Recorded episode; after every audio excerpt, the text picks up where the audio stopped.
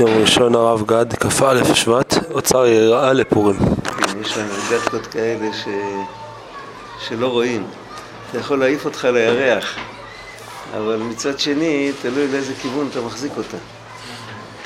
להעיף אותך גבוה, אבל תלוי, זה יכול להעיף אותך ימינה, יכול להעיף אותך שמאלה.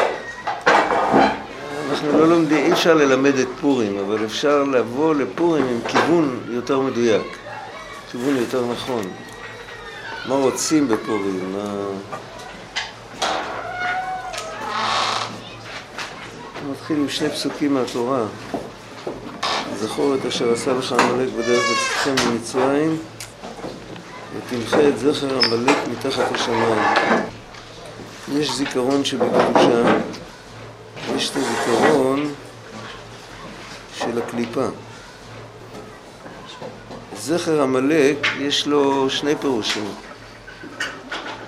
את, למחות את עמלק שלא יישאר ממנו זכר, זה הפירוש הפשוט. אבל יש עוד פירוש, למחות את מה שעמלק זוכר. זה ברור, זה, זה משהו אחר. יש את מה שעמלק זוכר, יש את מה שיהודי צריך לזכור. מה שעמלק זוכר צריך למחוק. אפשר לראות דוגמה, תחילת התורה.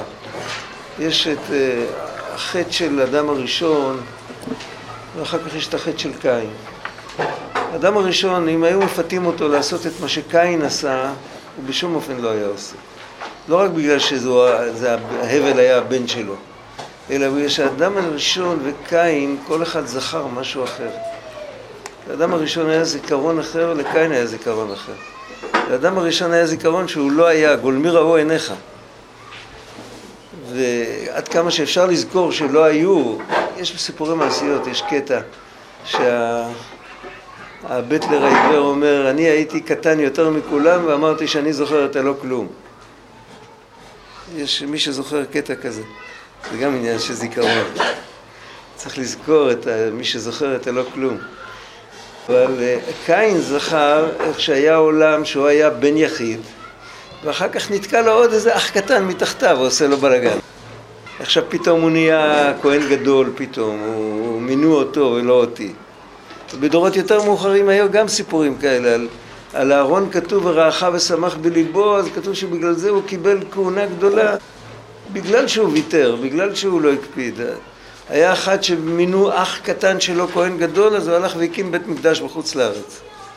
בית חוניו. זה היה הכל, אם בן אדם מתחיל מנקודה כזאת שאני נמצא, זה הזיכרון הראשון שלו, ואין מקום לעוד מישהו בעולם שלי. עכשיו עוד מישהו פולש, אז צריך להוריד אותו. זה הזיכרון של עמלק. עמלק הוא לא מכיר, הוא יודע את ריבונו, הוא מתכוון למרוד בו. באיזה אופן אפשר למרוד בריבון? אי אפשר באמת למרוד. אתה לא יכול לבוא עם טנקים למרוד בקדוש ברוך הוא, זה לא שייך, הביטוי הזה לא שייך. המושג של להתכוון למרוד בקדוש ברוך הוא זה להשכיח אותו מהלב עד הסוף, כאילו לא היה. ובמקום זה להיזכר באיזה משהו אחר, כאילו, נקודת ההתחלה, תמיד, מה זה הזיכרון? הזיכרון זה נקודת ההתחלה.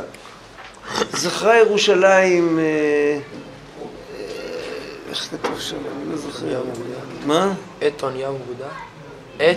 ימי עונייה ומרודה זה כבר טוב, זה כבר שואפים לגלות, לגאולה חזרה. אבל עצם זה שיש בכלל ימי עונייה ומרודי, על מה זה מבוסס?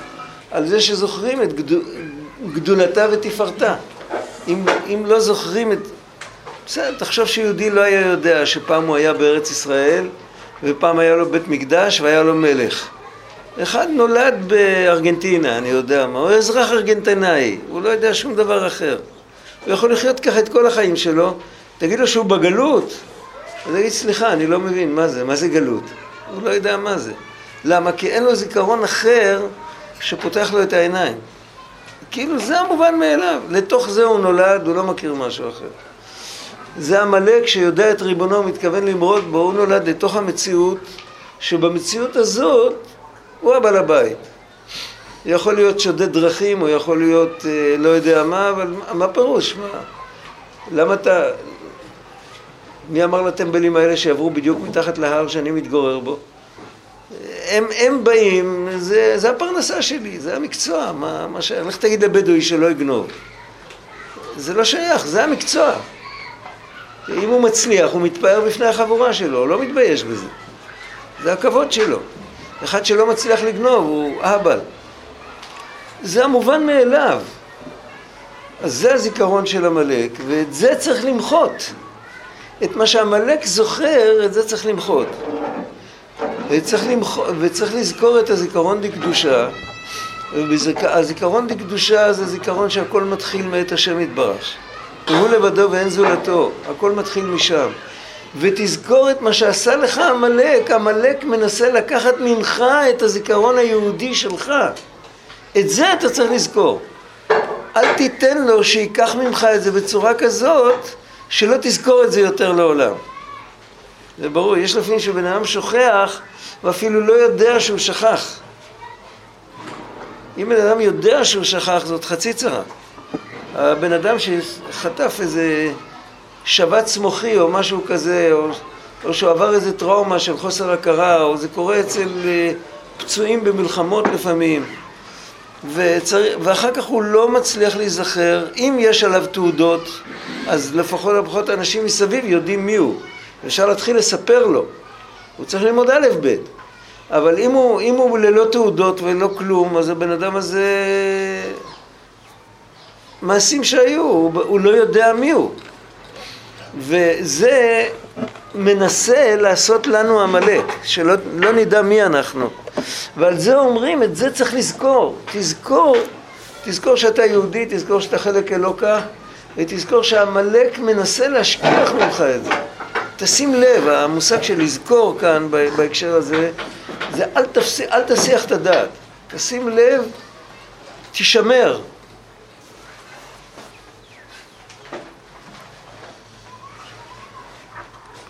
זה שני הפסוקים שהוא מביא בהתחלה. ועיקר התגברות עמלק הוא להפיל החלושי כוח שבישראל. כאילו אין להם עוד תקווה חס ושלום.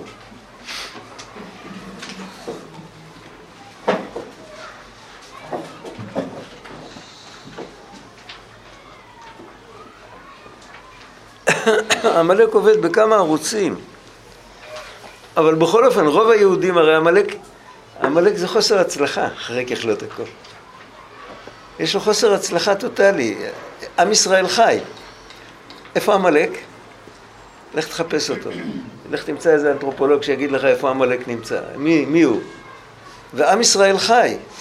אז עמלק אה, נסוג להשקפות עולם, לכל מיני מקומות כאלה, ושם הוא מנסה לעשות את העבודה שלו. אז הוא יכול, הוא יכול לעבוד בשני ערוצים, הוא יכול לעבוד בערוץ אחד של לשדר אפיקורסות, זה, על זה הוא מדבר ב... באות ג' עמלק משדר אפיקורסות. ומצד שני עמלק משדר ייאוש. זאת אומרת אצל מי שעדיין, אצל מי, ש... אצל מי שעדיין הוא לא מצליח להפוך אותו לאפיקורס העדפה הראשונה זה שהוא להפוך את כולנו לאפיקורסים זו העדפה ראשונה של עמלק. ואם הוא לא מצליח להפוך אותנו לאפיקורסים, אז הוא לכל הפחות הופך אותנו ליהודים מיואשים. כי הייאוש והאפיקורסות זה שני צדדים של אותו מטבע. הצד האינטלקטואלי של המטבע זה אפיקורסות, והצד הרגשי זה ייאוש. איפה שהקדוש ברוך הוא נמצא אין ייאוש. איפה שהקדוש ברוך הוא ויאמר לאל סור ממנו, אז מתחיל להיות ייאוש. עמלק מנסה לשדר ייאוש. על, על מי הוא מתלבש? על אחד כזה שמנסה ולא הולך לו. אז הנה, אתה רואה שלא הולך לך. כאילו אין להם עוד תקווה חס ושלום. אבל כשזוכים למצוא בעצמו הנקודה הטובה, אפילו בעת נפילתו חס ושלום, על ידי זה נכנע עמלק. דיבור כזה זה פלא, דיבור שישראל אף על פי שחטא ישראל הוא, עמלק לא אוהב את הדיבור הזה.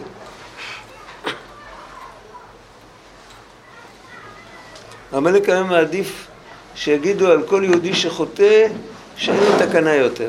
אז הוא מקבל הרבה, הרבה אנשים לצידו, כאילו.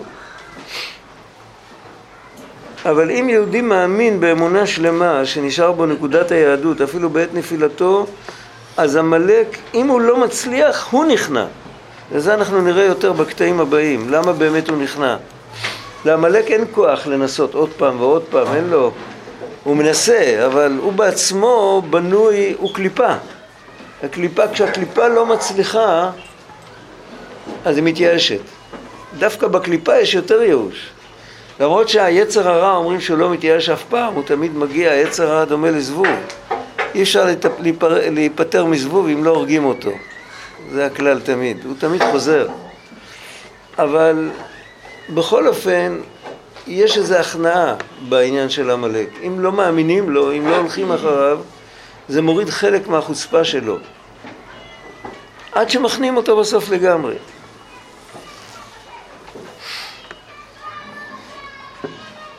ועיקר הנס של פורים הוא להכניע קליפת עמלק. שהוא עיקר הכפירות והאפיקורסות ולגלות אמונת חידוש העולם. ועל ידי זה זוכין לשיר שיתאר לעתיד שהוא שורש כל השמחות.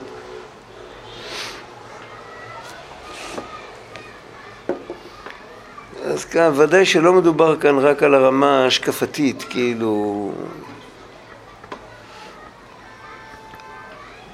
מדובר בעיקר על, על uh, ש, שלא, שהקליפה הזאת, לנצח אותה, להעיף אותה מהלב, לא רק מהמוח.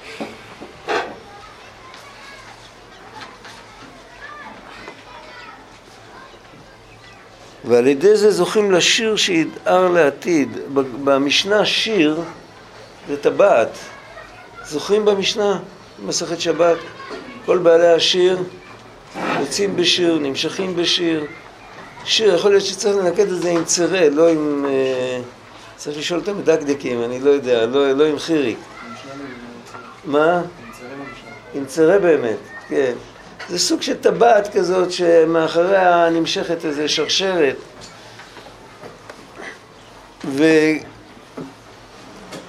ולהפך, זה, זה המושג האמיתי של שיר. השיר שאנחנו קוראים שיר, שיר וזמרה, זה, זה דומה לטבעת. כשהוא נגמר הוא מתחיל מחדש עוד פעם. הוא עיגול, אין לו ראש וסוף.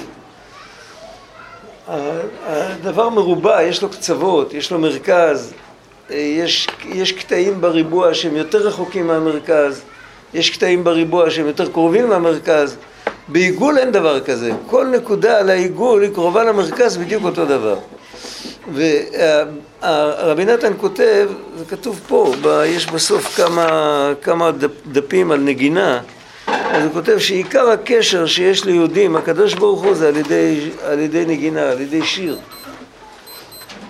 כי ה, ה, ה, החיבור האמיתי להשם זה לא, לא יוצאים ידי חובה עם, עם אמירה של איזה פסוק או עם הבנה של איזה דרוש או של איזה מאמר.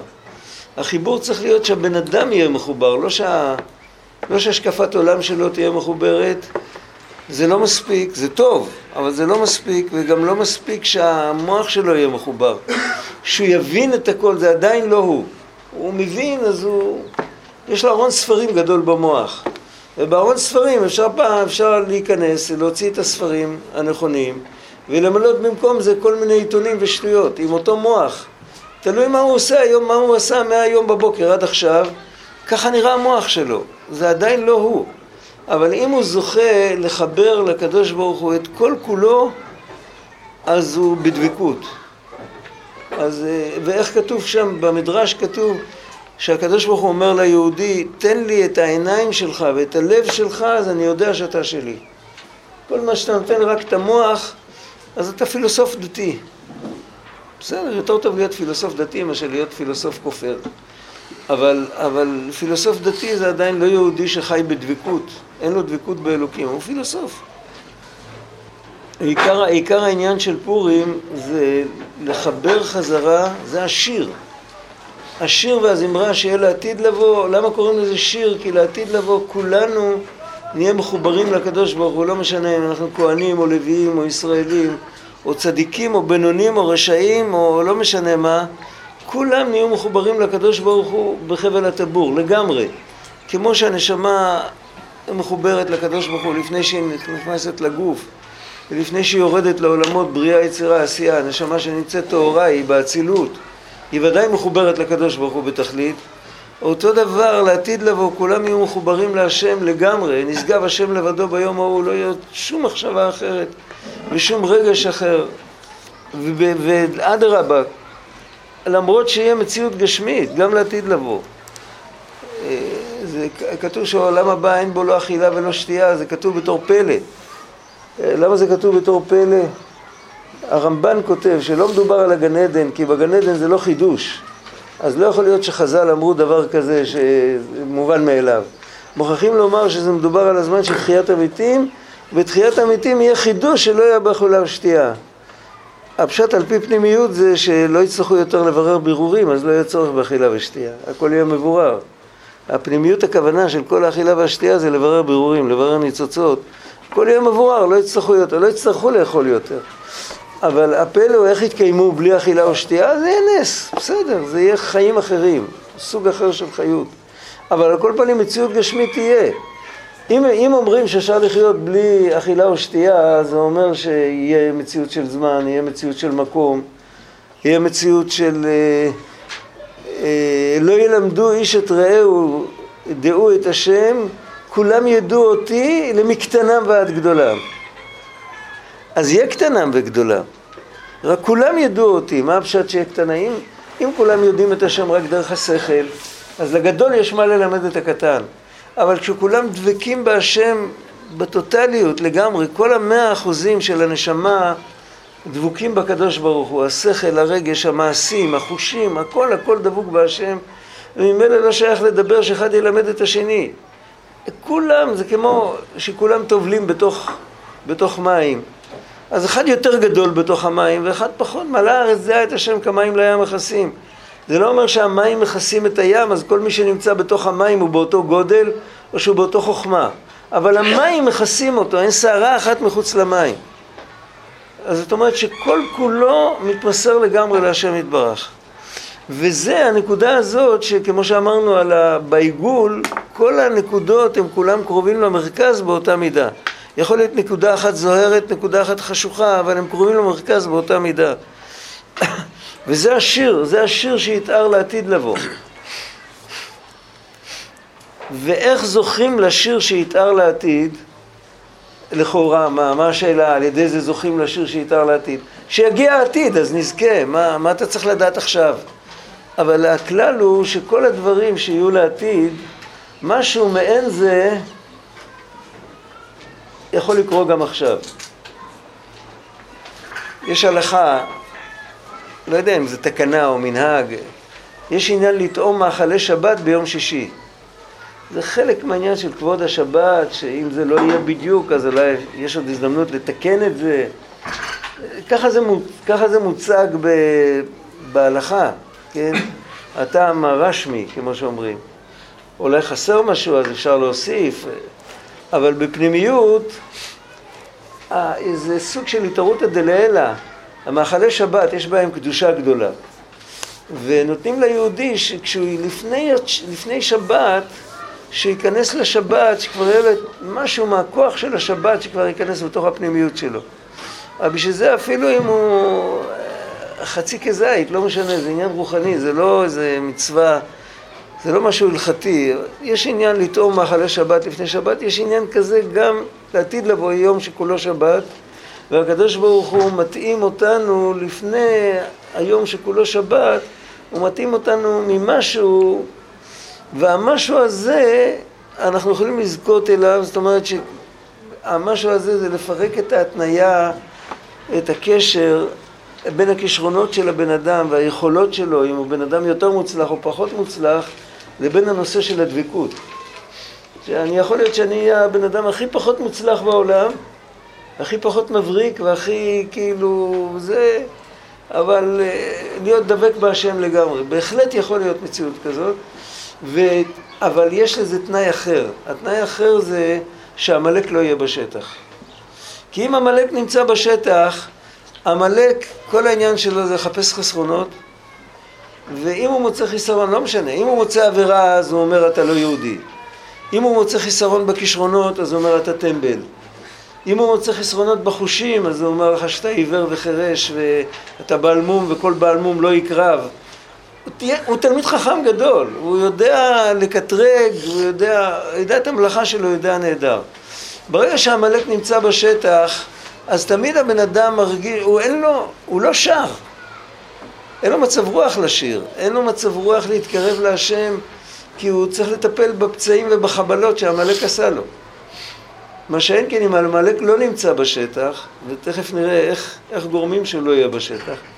אם עמלק לא נמצא בשטח, אז מגיע האלוקים עשה את האדם ישר. במקום, הם, איך כתוב שם? המה ביקשו חשבונות רבים. זה, זה כשעמלק נמצא. כשעמלק איננו, אז האלוקים עשה את האדם ישר. וכל אחד ישר, ישר יחזו פנימו. כל אחד, כתוב דבי אליהו, כולם מכירים את דבי אליהו הזה. כל אחד לפי מעשיו זכאי שתשרה עליו שכינה. כתוב שם אה, עבד, שפחה, לא משנה איזה מדרגה הוא נמצא. כל אחד זכאי לפי מעשיו שתשרה עליו שכינה. דבי אליהו מפורסם. עמלק לא אוהב דבי אליהו כזה. הוא לא אוהב את התנא דבי אליהו בכלל, כי כל התנא דבי אליהו זה אמונה פשוטה ותמימות ופשיטות וסיפורי צדיקים וכל מיני, הוא לא אוהב את זה. אבל, אבל אם הוא נמצא, אז הוא לא נותן לפתוח את התנא, הוא יגיד לך שהתנא דבי אליהו הזה, זה, יש בזה איזה סוד, זה לא מתכוון אליך. אתה לא בכלל, זה לא... אז צריך לדעת, קודם כל צריך לדעת לסלק אותו. אז העצה לסלק אותו, כפשוטו, קודם כל כל דבר מתחיל מהתורה, זה להקשיב לפרשת זכור ולכוון לצאת ידי חובה ולשמוע את המגילה כמו שצריך. זה, זה במקומותינו זה לא קל כל כך. אז, אה, אז כדאי שיהיה מגילה כשרה, שיוכלו את מה שלא שומעים להגיד בשקט. כי אם לא שומעים מילה אז לא יוצאים ידי חובה. אז, אה, ושם בתורה יש את הכוח של מחיית עמלק, ואותו דבר כל המצוות של פורים, אבל חוץ מזה יש גם איזו עבודה שאנחנו נראה אותה, זה עבודה, זה מה שהיה בכותרת, הזיכרון, לזכור את ההתחלה. כשאומרים זכור ימות עולם, אז מתכוונים גם לששת ימי הבריאה. ימות עולם, ששת ימי הבריאה, ששת ימי הבריאה זה עוד טרם היות האדם. לזכור שהמציאות שלנו היא לא מובנת מאליה. אנחנו מתנה, כל רגע אנחנו מקבלים מתנה. הדבר הזה מסלק את עמלק. עמלק מגיע עם, עם, כאילו, מגיע לאיזה מין עולם שהכל מובן מאליו. מה, למי חסר? חסר לך את מי לעבוד? חסר לך... תעבוד את עצמך, תדאג לעצמך. בית יש לך כבר. ארמון, חמש בתים להשכיר, לחתן חמש ילדים שעוד לא נולדו. לא יודע, מה, על מה אתה נותן זמן? זה עמלק. הוא כאילו, הוא מקבל את המציאות שלנו כמובן מאליו לגמרי, כאילו צמחנו על איזה עץ, אף אחד לא ברא אותנו, ו, וממילא כל, ש, כל דבר של עבודת השם ושל להשקיע שלא על מנת לקבל פרס, נראה מוזר. ו, והוא לא נותן, הוא לא נותן, הוא עושה את כל החוכמות לא לתת להתקרב לעניין הזה. ואם זוכרים, זכור ימות עולם, אם זוכרים את, ה, את טרם היותנו, ואז מבינים שאנחנו קודם כל, כל מולקולה בגוף שלנו, קודם כל זה תודה להשם שהיא קיימת. כל נקודה ונקודה. כל כולנו זה פלא אחד גדול, לא מגיע לאף אחד קרדיט על עצמו, רק להשם יתברך. הדבר הזה יכול לסלק את עמלק, זה מה שהוא אומר בקטע הבא. אבל על כל פנים, אז זוכים, אם מסלקים את עמלק, זוכים לשיר שיתאר לעתיד, שהוא שורש כל השמחות, זה בחינת השמחה של פורים. אז השמחה תמיד בנפש, מתי בן אדם שמח?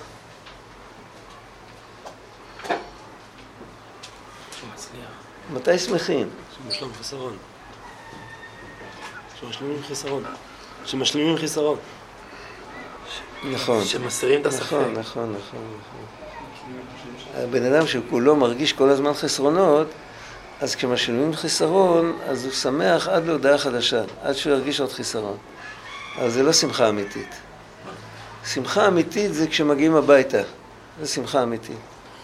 שמחה אמיתית זה שבן אדם מתחבר לשורש. ולמה למה אנשים לא שמחים? אתה יודע למה אנשים לא שמחים? כי הם רחוקים מהשם. זה בעצם השורש של כל ה... בעצם כל מה שבן אדם מחפש, יש הרבה פעמים שאנשים מחפשים משהו ולא יודעים מה חסר להם. אז לאן הם הולכים? הפסיכולוגים מתפרנסים מזה. שיהיה להם פרנסה, השם יעזור, שיהיה להם הרבה פרנסה. אבל לא, מ, לא מאנשים שיכולים לקבל את זה בשנייה, שלא צריכים. חבל שהם ישלמו לפסיכולוגים. פסיכולוגים שהתפרנסו, אני לא יודע, יכולים להתפרנס מבני נוח, מכל מיני כאלה. היהודי צריך לדעת את האמת. יהודי צריך לדעת את האמת שברגע שנשמתו יורדת לעולם, הוא מתחיל להרגיש שחסר לו. חסר לו, איך, איך הפסיכולוגים קוראים לזה חסך אם. חסר לו השכינה. חסר לו החיבוק של האימא. חסר לו, חסר לו כאשר יישא האומן את היונק. חסר לו כי גמול עלי אמו. חסר לו. זה באמת חסר לו. וכל זמן שהוא לא מוצא את זה בתוך החיים שלו, זה חסר לו. השמחה האמיתית זה כשהוא מתחבר חזרה. ועמלק לא נותן להתחבר חזרה. כל העניין שלו הוא מוסר את הנפש. מתי עמלק הגיע? בין יציאת מצרים למתן תורה. על הדרך יצאו ממצרים וכבר רצו להגיע, להתחבר חזרה, עמלק פתאום, פתאום פה הוא לא נותן, הוא לא נותן להגיע. וכשמכניעים את עמלק, אז זה, זה השורש של כל השמחות. ולכן יש שמחה בפורים, כי בפורים כל יהודי מכניע את עמלק באיזשהו אופן. השמחה של פורים לא מגיעה מהבקבוק. הבקבוק זה התירוץ. בן אדם רוצה לשמוח ורוצה לרקוד, אני יודע, יצחקו עליו, אז יש לו תירוץ, יש לו את הבקבוק. יש משל מהבעל שם טוב על שמחת יום טוב, כתוב אין שמחה אלא ביין. אז הוא אמר, איך זה, מה זה שייך לנשמה? אז הוא אמר, משל מחיגר וסומה, המשל הזה, החיגר והסומה מופיע בהרבה מקומות כל, על, על כל מיני דברים. אמר, חיגר וסומה שקיפצו נדבות ביחד. החיגר רכב על הסומה והסומה גם היה חירש במשל של הבעל שם טוב. והחיגר היה אוהב מוזיקה. ופעם בחתונה אחת הם קיפצו נדבות וכבר הסומה היה לו תחושה של זמן, הוא הבין שכבר היו פה מספיק זמן אז הוא רצה ללכת לחתונה אחרת אבל החיגר שישב למעלה הוא ידע שפה המוזיקה היא מאוד מאוד יפה, יותר יפה מאשר בכל מקום אחר, אין סיכוי אז הוא רצה שהוא יישאר פה עוד קצת, מה עושים? אז הוא לקח בקבוק עם שתייה חריפה ונתן לו לשתות ואז הסומה התחיל לרקוד, אז החיגר רוקד מה, מה, מהזמרה והסומה רוקד מה, מהאלכוהול, כן, זה, זה משל מהבעל שם טוב. אז אותו דבר הוא אמר, בן אדם רוצה לשמוח, שמחו צדיקים בהשם, אבל מגיע חג, הוא לפני החג ואחרי החג הוא בתוך, בתוך כל העולם עם כל הצרות, עם כל הבעיות, אין לו שמחה. מה הוא יכול לעשות? הוא רוצה שהנפש הבעמית שלו לא תפריע, אז הוא קונה לה בקבוק יין, יאללה, תקחי תשתי, אבל השמחה האמיתית זה, זה מהקדוש ברוך הוא. בפורים זה גם אותו דבר, זה, זה התירוץ, כמו שאומרים, הזרז, הטריגר, זה, זה ההתלבשות, זה הבקבוק, אבל בעצם השמחה האמיתית, פורים זה יום שמח בעצם, ואתם יכולים לנסות את זה, אני לא מאחל לכם, אבל יש לפעמים, כל מי שעושה מילואים מכיר את זה. אתה יכול להיות תקוע באיזה חור בפורים 24 שעות, מה זה 24 שעות? 48 שעות, שלא תראה נפש חיה. יש לך מגילה, אז אתה יכול לצאת ידי חובה. משלוח מנות אתה יכול לתת למישהו שנמצא איתך. ואין לך מניין, אין לך כלום, אין לך ספר תורה, אין לך כלום, אבל פורים, אתה אומר פורים, אז אתה מקבל חיוך כזה מאוזן לאוזן, ואתה שמח, ואתה רוקד אפילו. מאיפה זה בא? אז, אז צריך לדעת שהעניין של פורים זה עניין רוחני, כתוב, אה, יש מהבעל שם טוב, מהאריזל, וזה השורש של זה, זה בחז"ל, בזוהר, שהימים האלה נזכרים ונעשים, כל שנה למעלה יש פורים. עוד פעם. והכל הכל נמשך על כל יהודי בכל מקום שהוא יהיה. אתה מזכיר ליהודי פורים, אתה מזכיר ליהודי חנוכה, הוא מתחיל לשמוח. אפילו אם אין לו את התנאים. ועל ידי כל זה נתקן האכילה או שתיית היין. רבי נתן הולך בסדר הפוך. לא שמאכילה והשתייה שמחים. קודם כל מוחים את עמלק ואז מגיעה שמחה. כששמחים אפשר לתקן את האוכל. בן אדם שעצוב, האוכל משמח אותו. בן אדם שמח, הוא משמח את האוכל. יש הבדל גדול. לשמח את האוכל זה לאכול לשם שמיים ולברר את הניצוצות ואת הנפשות הנידחות בתוך האוכל. זה תיקון האכילה. בן אדם עצוב, הדבר היחיד שיכול כרגע לשמח אותו זה האוכל. הוא מסכן, הוא לא יודע, כאילו, יש, רואים את זה בהשם ישמור, כל מיני אנשים מדוכאים, הם כל הזמן מחפשים אוכל. כי זה, זה איזשהו דבר, איזה עוגן שיכול, לחמש דקות הקרובות זה יכול לשמח אותם. זה לא באמת משמח אותם, אבל זה בינתיים. אז פה הוא הולך הפוך. צריך לסלק את עמלק, לגלות חידוש, אמונת חידוש העולם.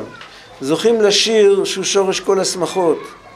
על ידי זה מגיעה השמחה ועל ידי זה ניתקן האכילה ושתיית היין. וכל זה בגלל כי מכניעים קליפת המן עמלק, שאחיזתן מבחינת מזונה דגופה. הבן אדם שאוכל בגלל שהוא עצוב, אז החיות של האוכל הולך לקליפות. העמלק יונק משם. עצבות זה ה... כאילו, זה, זה מה שהוא אוהב. הוא, הוא מגיע, זה... כל חרק אוהב פסולת אחרת. כל תולעת מחסלת נבלה אחרת. עמלק אוהב עצבות. הבקבוק זה להשתיק את הנפש הבהמית, או שזה באמת מעלה... הבקבוק? הרב אמר שזה נעשה מעלה, פשטות, בפשטות אלכוהול משפיע על מחזור הדם, על, על, לא על הנפש האלוקית. נעשה תיקון... בסדר, אבל, אבל באופן ישיר יש עניין לכאן ולכאן, אחרי, ש, אחרי שיש עניין לעשות את זה בשביל הנפש הבעמית, יש בזה עניין, אז זה מקבל עניין בפני עצמו, כי אם צריך לעשות את זה, אז יש בזה עניין. אבל ב, ב, נשמה בלי גוף. מה תעשה עם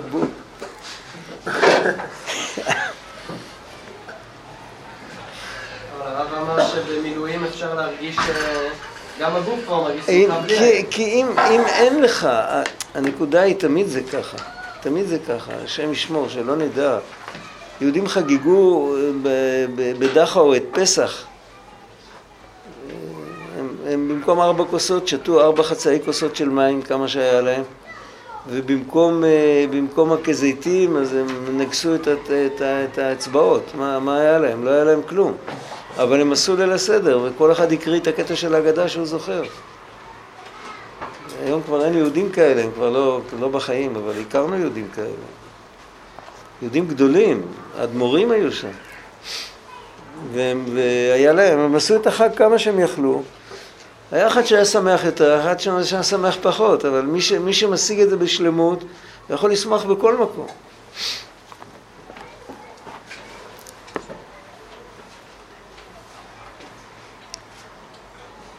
וזוכין למזונה דנשמטה, ועל כן מצווה לאכול ולשתות בפורים.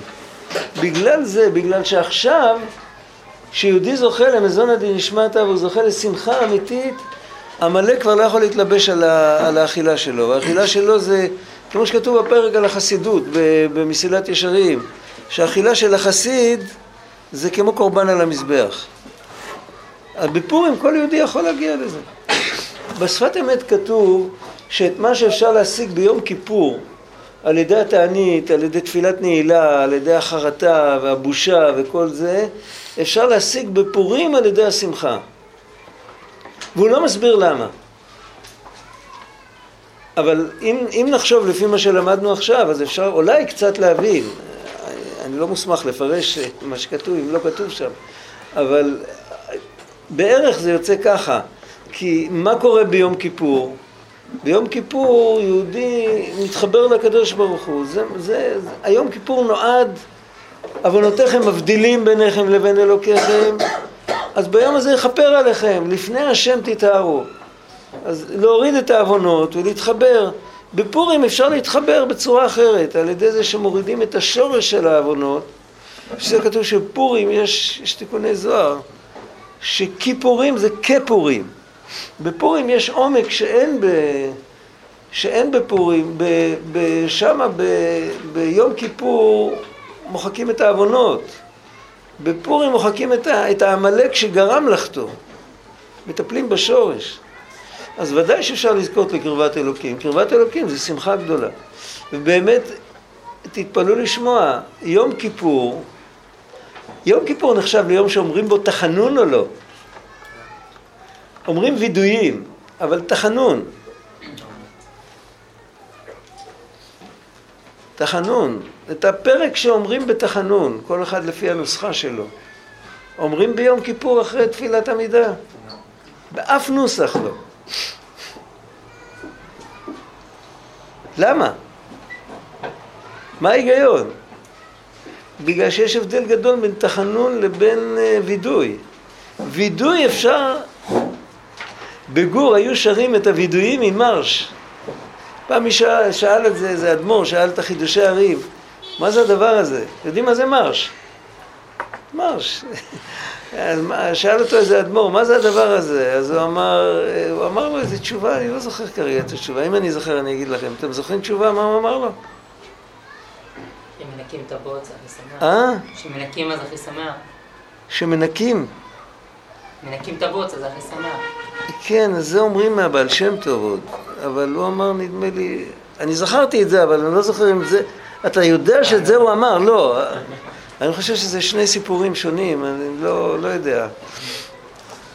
לא יודע, אבל על כל פנים, אה, הוא אמר איזו מילה ש, שאפילו בווידויים צריך להרחיק את העצבות. אפשר ליפול לעצבות וצריך התחזקות, צריך ל... יש מין דיבור כזה. יש עוד דיבורים על הווידויים, החידושי הרים אמר פעם זה מודפס. חידושי הרים אמר שאת הווידואים צריך להגיד מהר ואת עיקר התפילות צריך על בניין ירושלים. על, על, על חזרת המלוכה וכל זה, ולא... הווידויים, אם, אם אומרים אותם לאט מדי, אז אפשר ליפול להרהורי עבירה. איך אמר חידוש הארי? פלא גדול. כן. אם הבקבוק הוא כדי שה... אם מה? אם הבקבוק הוא כדי שהנפש הבהמית לא תפריע, כן. צדיק שלם לא צריך לשתות? אני אמרתי קודם, זה מה שאמרתי לו, אחרי שכבר יש עניין שהנפש הבעמית לא יפריע, אז חז"ל אמרו שצריך לשתות, אז כבר כולם נכנסים לזה. זה, זה, זה לא... ממילא גם הוא צריך, שאלה, אצל רשב"י היה גלות או לא היה גלות? כתוב שלא היה גלות אצל רשב"י, נכון? אבל אף על פי כן, אם היה בונה מזבח ומקריב קורבן, זה היה שחוטי חוץ. זה איסור כרת. אבל אין גלות. אז, אז מה, ואצל רשב"י עיר תמיד בית המקדש, אז לא צריך לערבב דברי אגדה עם דברי הלכה. יש, יש עניין שבגלל שיהודי, הרבי צדק כותב, בגלל שיהודים אחרים היו בגלות ורשב"י היה הראש שלהם, אז אם הרגל שלך בתוך הבוץ, אז כולך בבוץ. גם רבי נתן כותב פה שזה מתקן את היין. זה מתקן את היין, ויכול להיות שהבן אדם הפרטי הזה, הוא היה יכול, הוא לא צריך לתקן את היין, אבל זה, הוא צריך את היין בשביל לתקן את היין של מישהו אחר. הוא בכל אופן חלק מבני ישראל. אין לנו פריבילגיות, אין תורה, אין תורה אחרת לצדיקים. זה כלל גדול, להבדיל, אצל הגויים זה הולך אחרת לגמרי. פה כשאתה, כשאתה נהיה צדיק אז אתה רק מתחיל לעבוד יותר קשה. צריך לזכור את זה. רב, כן. בעצם הנקודה ההתחלה, שזה להכניע את עמלק, זה עם שמחה של אמונה. כן, כן. כן, כן, כן, כן, ממש ככה. כל מילה שאמרת זה בול. זה מה שצריך. צריך להפוך את המובן מאליו שלנו ולדעת שאלוקים בורא אותנו כל רגע ועמלק הוא שקרן וכל ה, עם כל התזות, עם כל הפלסף, עם כל, ה, כל הדיבורים האלה של ה, כל התרבות המערבית, זה, זה בטיפוחים של עמלק. שאיש איש באמונתו יחיה ו, וכל אחד עם הנרטיב שלו וכל השטויות האלה, זה הכל שקר. והשם אמת ותורתו אמת, ומשה אמת ותורתו אמת, ואין הוא לבדו ואין זולתו, זה צריך להכניס בראש עמוק עמוק. זה התחלה של הכל. ועל זה אפשר להתחזק, שגם אנחנו יהודים, זה כולל גם אותנו, וכן הלאה. בסך הכל אנחנו אומרים כל יום בתורה ובתפילה, אנחנו מדברים כל הזמן על דברים נפלאים, רק אנחנו שוכחים שזה כולל גם אותנו. כי כתוב פה, יעללו את השם כי נשגב שמו לבדו, כאילו מדברים על איזה מישהו. יש איזו קבוצה ביער עמוק שמהללת את השם כי נשגב שמו לבדו. אנחנו מסתכלים כצופים, זה לא אנחנו.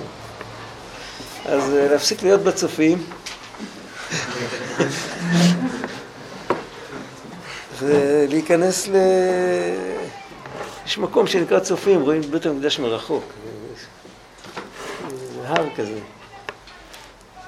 קליפת עמלק הוא מבחינת הכפירות והאפיקורסות הנמשכים, הנמשך מבחינת חלל הפנוי שקדם לכל הבריאה. עכשיו הוא מדבר השורש, על פי קבלה,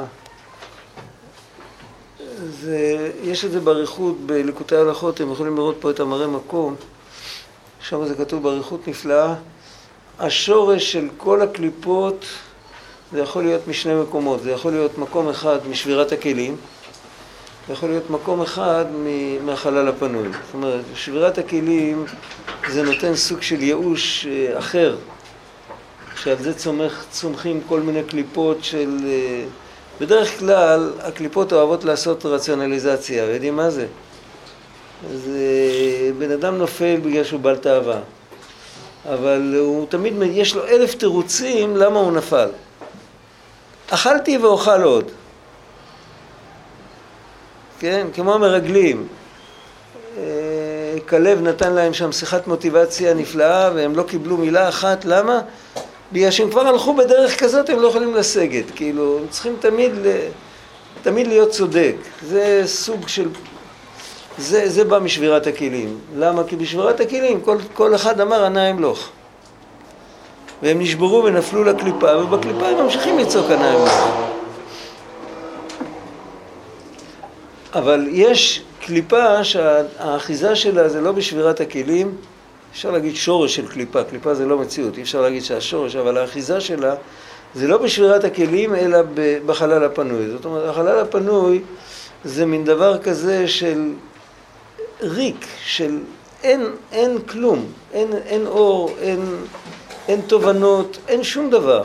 הקדוש ברוך הוא, כדי לברוא את העולם, הוא העלים את, ה, את האור שלו לגמרי, כי אם היה נשאר משהו הכי קטן מהאור הקודם, אז שום דבר לא יכול להיברות.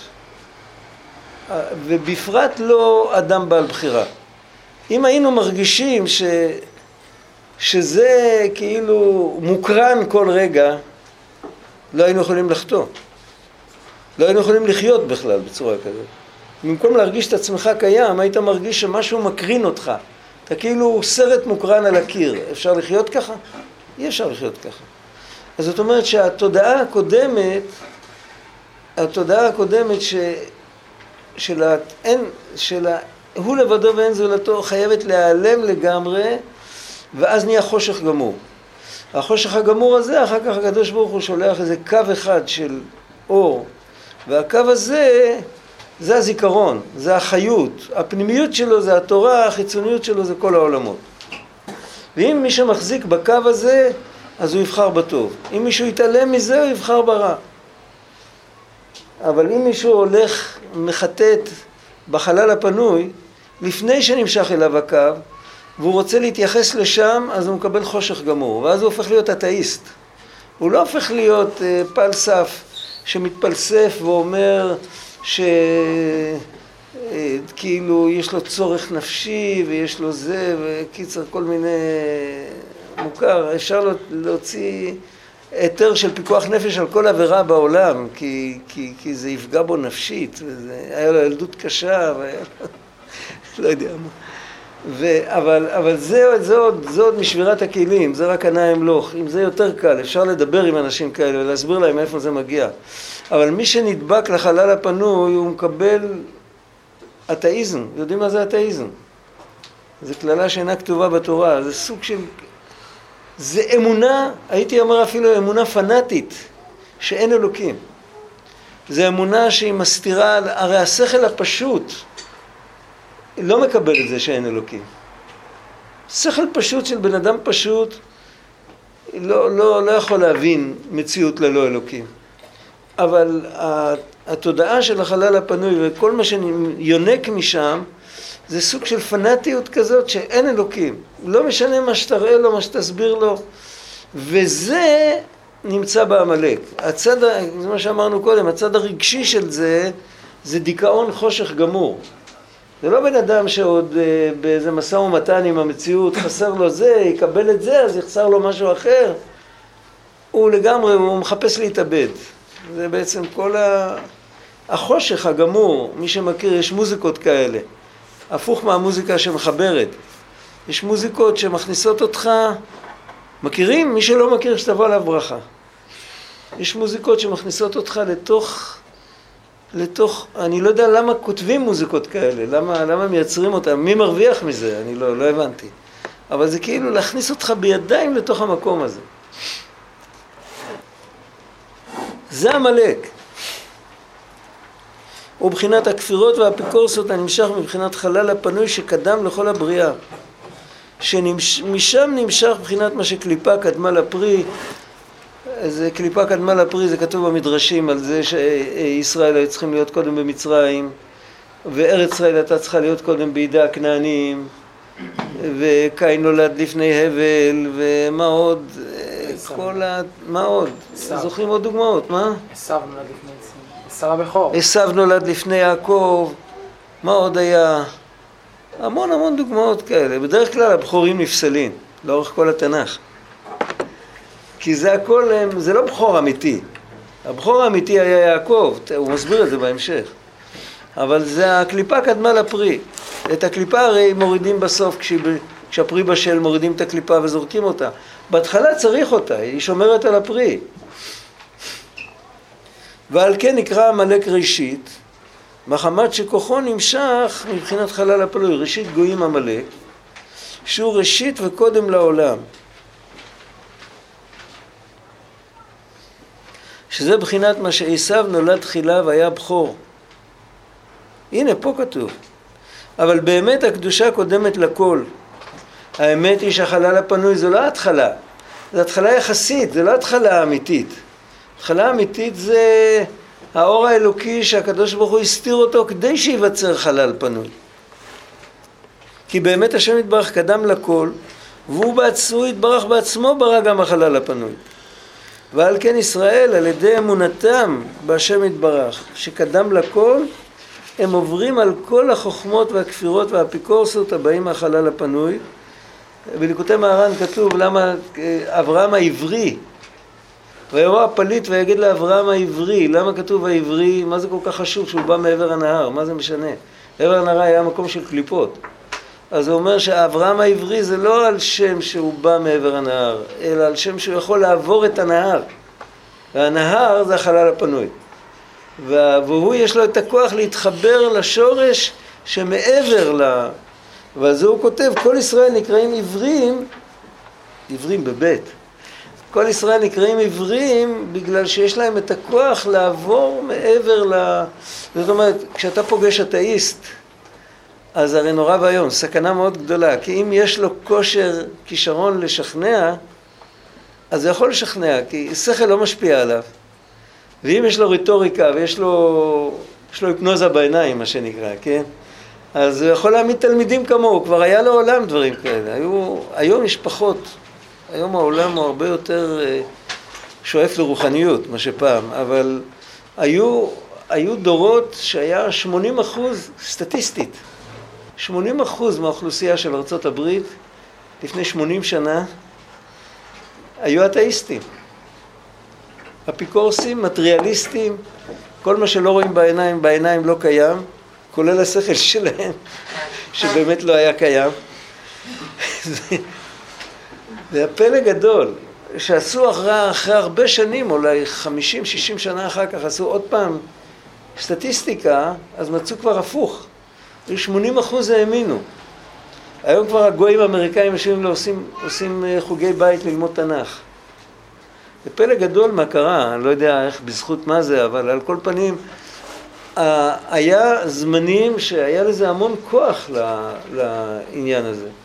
והיהודי, זה היה המובן מאליו, כאילו ביהודי שהלך לאוניברסיטה, או שהוא היה איזה פונקציונר במדינה כזאת, היו מדינות אתאיסטיות, וזה היה מובן מאליו, כל מי שהיה מאמין באיזשהו דבר דתי היה נחשב ל...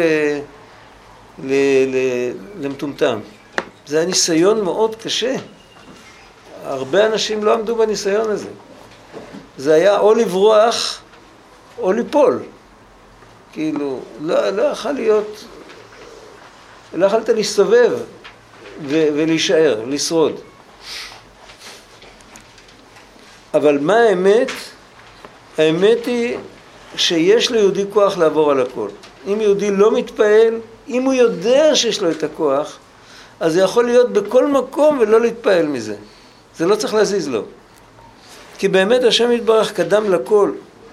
הוא יתברך בעצמו ברק המחלל הפנוי, על כן ישראל על ידי אמונתם בהשם יתברך שקדם לכל, הם עוברים על כל החוכמות והכפירות והאפיקורסות הבאים מהחלל הפנוי, ועל כן באמת ישראל הם הבכורים.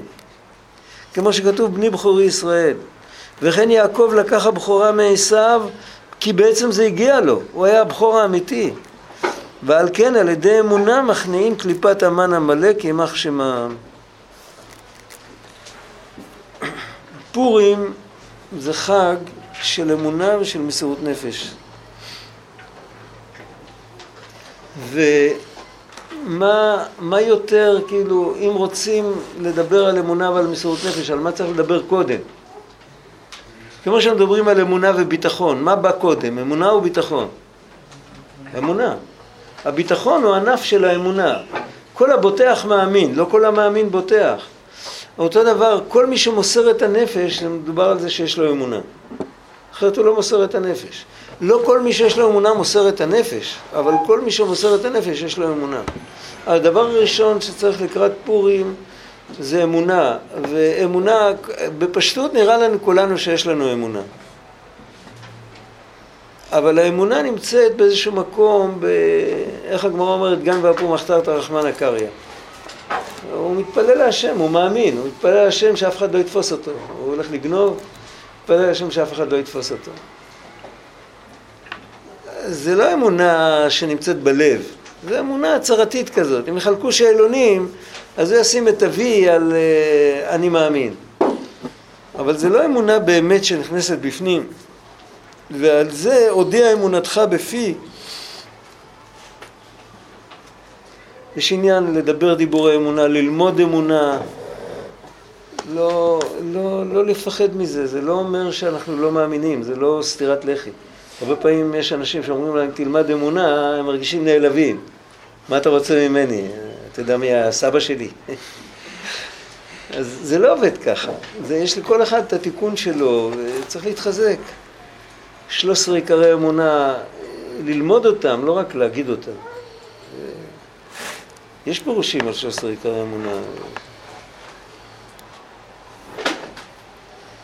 עכשיו פה הוא, הוא נכנס, זה, הקד... זה כותרת לקטע הבא, שאולי נקרא רק את הכותרת, זה ד' עיקר סיטרא דמותא נמשך מגאות ומשם נמשך קליפת המן המלא יימח שמם. אז הגאווה זה הרגל השלישי של, ה... של הטרויקה הזאת. דיברנו על ייאוש ועל אפיקורסות, והגאווה זה כאילו, זה חצובה כזאת עם שלוש רגליים. זה הדבר, ה... הדבר השלישי זה הגאווה, כי זה הולך ביחד. איפה שאין אלוקים, אז כל מה שבן אדם מצליח, אז הוא לא גומר להתגאות. וה- וזה בעצם זה הקליפה הכי נוראית, כי הקליפה של הייאוש, לא לומדים אותה בבית ספר. לא מלמדים ייאוש בבית ספר. אפיקורסות גם לא מלמדים בבית ספר, פשוט לא מדברים על האלוקים, אבל לא מלמדים שהוא איננו. גאווה מלמדים. התרבות שלנו מלמדת גאווה. גאווה זה, זה מילה חיובית. בספרות המודרנית גאווה זה מילה, מילה חיובית. אני אומר את זה עם גאווה מלאה. וזה, וזה זה בא בגלל שני הרגליים הקודמות, בגלל שאמר נבל בליבו אין אלוקים וכל זה, ממילא, אז כל מה שבן אדם עושה, אם בן אדם תופס את הנקודה של האמונה, צריך לזכור שחושך לא מגרשים עם מקלות. חושך מגרשים עם אור, את עמלק לא מגרשים עם מקלות, עמלק מגרשים עם אמונה. ואם האמונה מגיעה, אז הגאווה הופכת להיות אה, מינורית, כל פעם יותר עד שהיא נעלמת באיזשהו מקום. אי אפשר לטפל בגאווה באופן ישיר. גאווה זה סוג של שקר שהוא מתפוגג ברגע שיודעים את האמת. זה ברור? אה, מישהו מספר לך, מצ'סבט לך איזה סיפור, וואי, אתה לא יודע מה עשו שם, אתה מגיע, אתה רואה ששום דבר לא קרה, זה הכל סתם, אז באותו רגע אתה יודע שהוא שיקר. אם מישהו יעמוד ויסביר לך מיליון פעם איזה שקרן או איזה זה שום דבר, אבל הוא סיפר לי, מה... אנשים לא ממציאים. אתה תבוא, תראה בעיניים שלך שנייה אחת שהוא שיקר, אין לזה שום רושם עליך. זה בדיוק העבודה עם השקר של הגאווה. הגאווה זה שקר. כמו עבודה זרה, אותו דבר. ואם בן אדם מכניס את הקדוש ברוך הוא לחיים שלו, אז אין גאווה, אין על מה להתגאות. טוב, אנחנו נשאיר את זה פה.